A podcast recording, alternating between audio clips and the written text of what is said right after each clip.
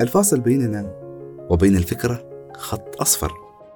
خط أصفر نمشي معه على التوازي حتى نصل لأبعد ما في الفكر وأعمق ما في الإحساس. خط أصفر على جانب الطريق مثلا يحمينا من الخروج عن جادة الطريق أو بكل بساطة هو الشيء الوحيد اللي لازم نركز عليه ونحن نستمع للبودكاست. كثيرة هي الخطوط اللي نتوقف عندها. ودائما نسمع إن في خطوط حمراء لازم ما نتجاوزها. الخط الأصفر عكس ذلك تماما. هو ممتد ليوجه بوصلة الأفكار والأحاسيس إلى الطريق الصحيح. ونحن أبدا ما بحاجة لأن نقطع الخطوط أو نتجاوزها. تماما كما يخبرنا الخط الأصفر. يكفي أن نمضي مع الأشياء بالتوازي. وتبارك الذي خلق الوجود موازيا للكائنات. أهلا وسهلا مستمعي خط أصفر. هذه حلقة جديدة مع الخط الأصفر. حلقة كنت على وشك أن أسميها بلا عنوان وهو عنوان فضفاض نوعا ما وكأنني أقر أنني لا أجد عنوانا محددا. لكنني أقول لك أيها المستمع أنني وجدت عناوين كثيرة لهذه الحلقة.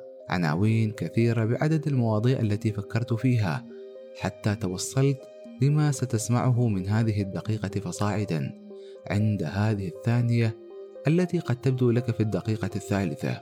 أو ربما لا أدري في أي دقيقة ستكون وأنت تستمع الآن.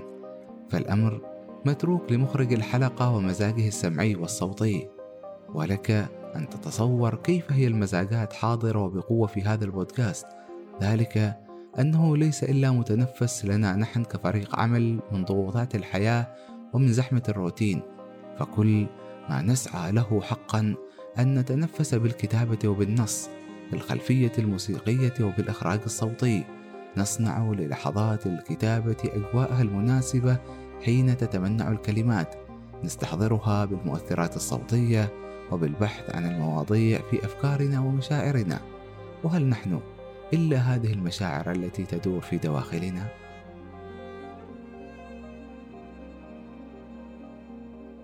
وأنا أكتب هذه الحلقة وبعد أن كنت قد كتبت الجزء الأكبر منها وصلني مقال جاء في وقته كما يقال وشدني منه جزء يتقاطع مع ما قلته في المقدمة من أن الكتابة والبودكاست متنفس المقال بعنوان الكتابة بين الإلهام والصنعة وجاء فيه. ذات مرة دعي ويليام زينسر من قبل أحد المدارس الثانوية في ولاية كونكيت لمناسبة يوم الفن للحديث عن الكتابة كمهنة وعندما حضر إلى المدرسة اكتشف وجود كاتب آخر وجهت له الدعوة للحديث عن الكتابة كهواية مسلية. كان هذا الأخير طبيبا جراحا يسميه زينسر الكاتب بروك بدأ بالكتابة منذ فترة قصيرة ونشر عدة قصص قصيرة في المجلات الأمريكية. جلس الضيفان على المنصة جنبا إلى جنب أمام قاعة غصت بالتلاميذ وأولياء الأمور والمدرسين. كان الطبيب الجراح يرتدي سترة حمراء صارخة ما أضفى عليه بعض المظاهر البوهيمية التي يفترض أن يتسم بها الكاتب. ولهذا فإن السؤال الأول كان موجها إليه ماذا يعني أن تكون كاتبا؟ أجاب الجراح.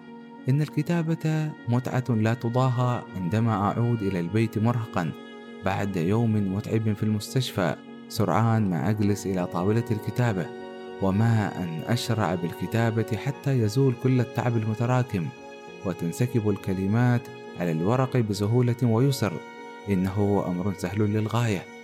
أما زينسر فقد أجاب عن السؤال ذاته قائلا. إن التأليف عمل شاق وليس ممتعا أبدا. عمل ينجزه الكاتب وحيدا والكلمات نادرا ما تنساب على الورق مثل السيل المتدفق.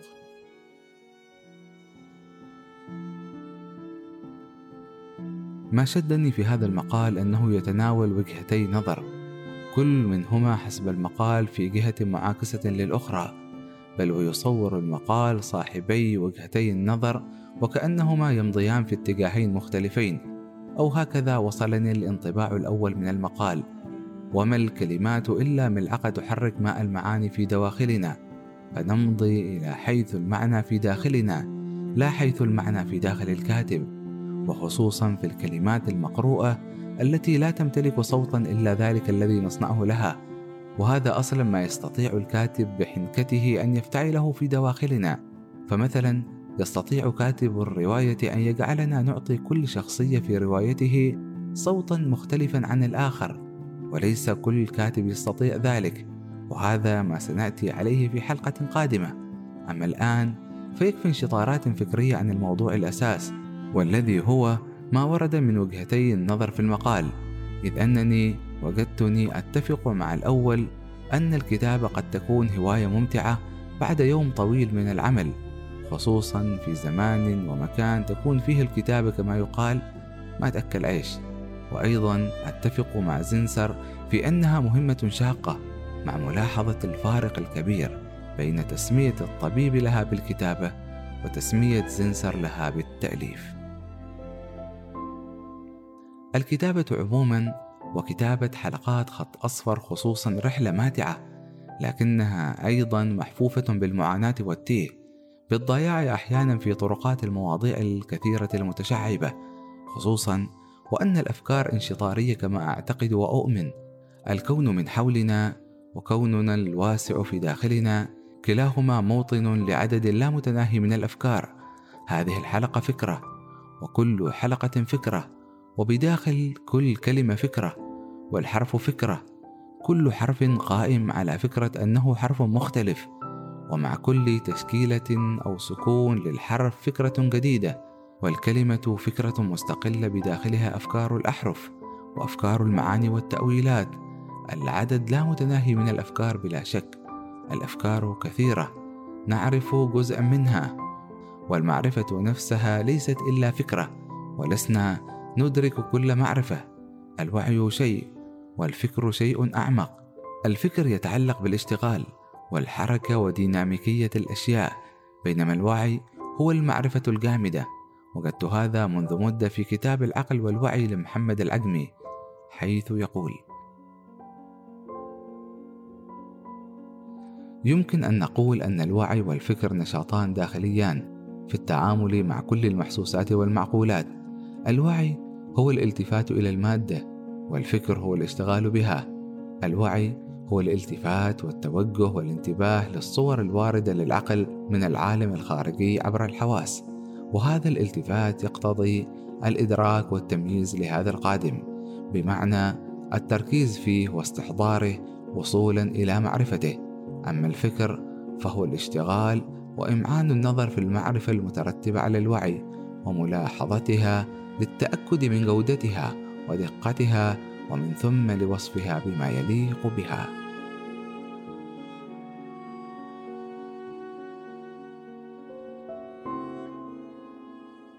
عودة إلى موضوع الأفكار الانشطارية ولنأخذ مثال صاحب النكتة والطرفة وكيف أنه أحيانا يأتي بأشياء مضحكة نتساءل معها عن هذا العقل الذي يسبح في خفة الأفكار وجنونها حتى يصنع نكتة لكنه في الحقيقة لم يصنعها في لحظته تلك. إنما انشطرت هذه النكتة من تراكم نكت أخرى. لذا هو يدرك أو ربما لا يدرك أن هذا نتاج الكثير من التراكمات. منذ المحاولات الأولى السخيفة حتى أصبحت لديه خفة الدم المبهرة. والحال كذلك مع كل منتج لفن أو أدب ومع كل ممارس لعمل أو باحث عن علم. فالأشياء كلها في داخلنا. أو بمعنى أصح فكرتها في داخلنا. الحواس فقط تستقبل ما يقع على هذه الفكرة الخاملة. حتى تنفجر فنعتقد أنها ولدت من العدم.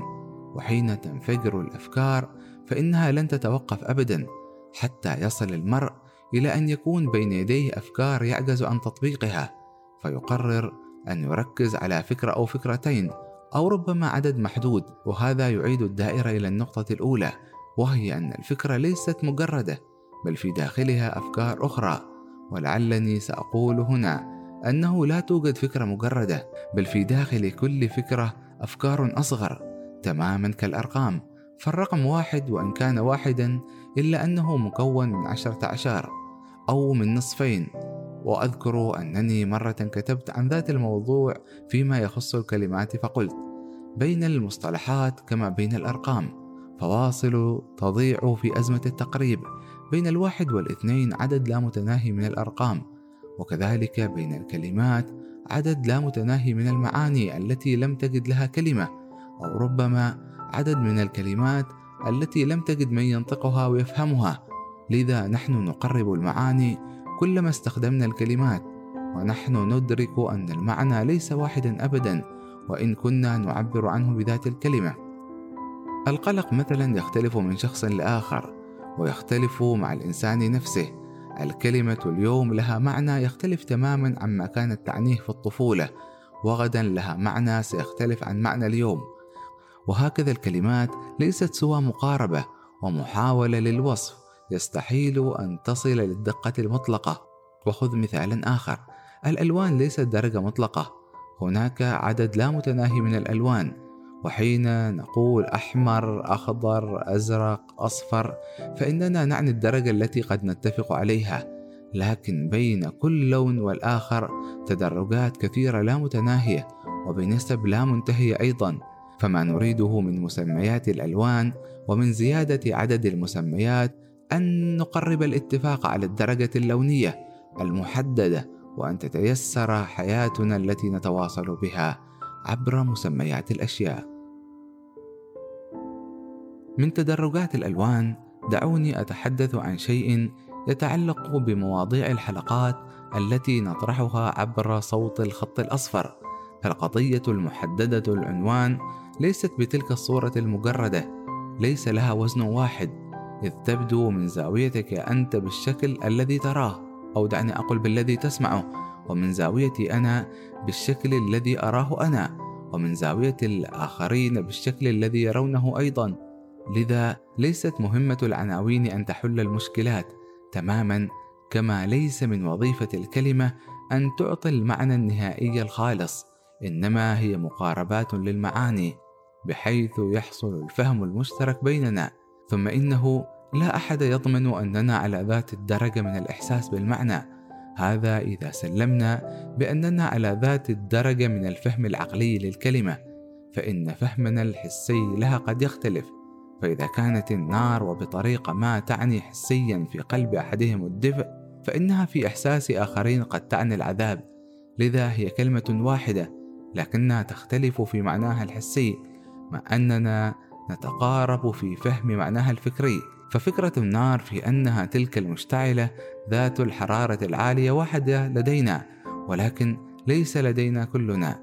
فذلك الذي يعرف درجة حرارة النار من لونها لا تعني له كلمة نار إلا معنى شامل ويحتاج لتفسير تماما كما هو الحال لدى الشاعر والأديب الذي قد توحي له كلمة نار بالشوق والحنين. ومرة أخرى تبقى فكرة الكلمة واحدة شكلا لكن تأويلها الحسي سيختلف كثيرا بلا شك. الأفكار انشطارية يا أصدقاء لذا هذه الحلقة بعنوان أفكار انشطارية وهي تلخص الفلسفة التي يقوم عليها بودكاست خط أصفر. فهذا البودكاست المسموع يعتمد على النص المكتوب وهذا النص المكتوب خصيصا ليكون مسموعا إنما هو يخضع لواحد من احتمالات الكتابة. فالكتابة عموما والكتابة للحلقات خصوصا تمضي بشكلين. الأول عبارة عن بحث وتقصي للمعلومة أو القصة ومحاولة تشكيلها في قالب مسموع يضيف للمستمع شيئا من الفائدة والمتعة والشكل الآخر قائم على إنتاج الفكرة والفكر الذي يلامس الآخر أو الذي يلامسك. في الأول تلعب المعلومة المثبتة بالمصدر وبالدليل العلمي دورا كبير وهذا النوع يتطلب جهدا كبيرا من البحث والتنقيب والتحليل والتمحيص ليكون بشكله المبهر المقنع. أما النوع الآخر فهو قائم على إثارة العقل والقلب للخروج بمحتوى فكري وحسي جديد يعيش من خلاله المستمع تجربة جديدة حسيا وفكريا وشاعريا.